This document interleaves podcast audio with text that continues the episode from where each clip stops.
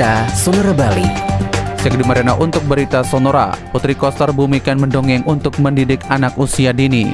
Bunda Pendidikan Anak Usia Dini atau PAUD Niputu Putri Swastini Koster membumikan gerakan mendongeng bagi anak usia dini dengan mengundang psikolog anak kondang Seto Mulyadi alias Kak Seto sebagai narasumber dalam acara Bunda PAUD dan Kak Seto Menyapa yang digelar secara hybrid atau online dan offline di Gedung Jaya Sabar Rumah Jabatan Gubernur Bali. Putri Koster menggelorakan kembali gerakan mendongeng bagi anak usia dini untuk menanamkan pendidikan karakter.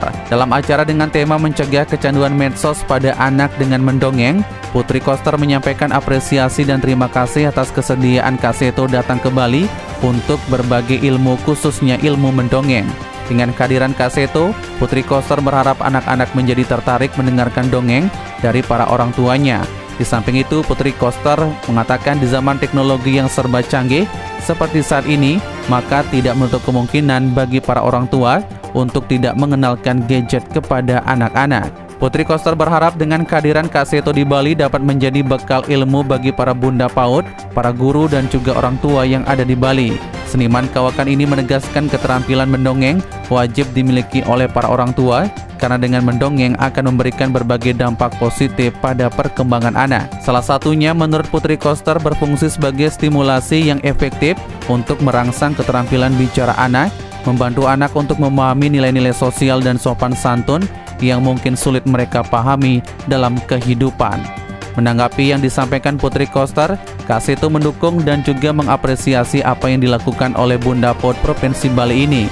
Menurut Kasito, di era kekinian tradisi mendongeng perlahan mulai tergeser dengan serbuan berbagai jenis gadget dan juga konten permainan digital.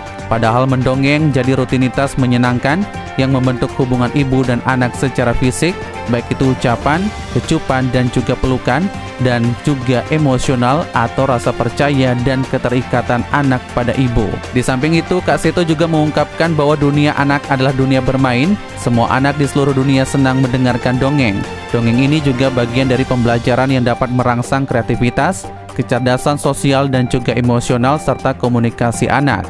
Kak Seto yang dikenal dengan boneka si Komo tersebut mendorong para orang tua untuk mendongeng pada anak-anaknya. Demikian Gede Marina untuk berita Sonora kembali ke program selanjutnya. Demikian berita Sonora Bali. Follow sosial media kami, Twitter, Instagram, at Sonora Bali FM, Facebook fanpage Sonora Bali 98,9 FM, subscribe YouTube channel Sonora Bali Official website sonorabali.com.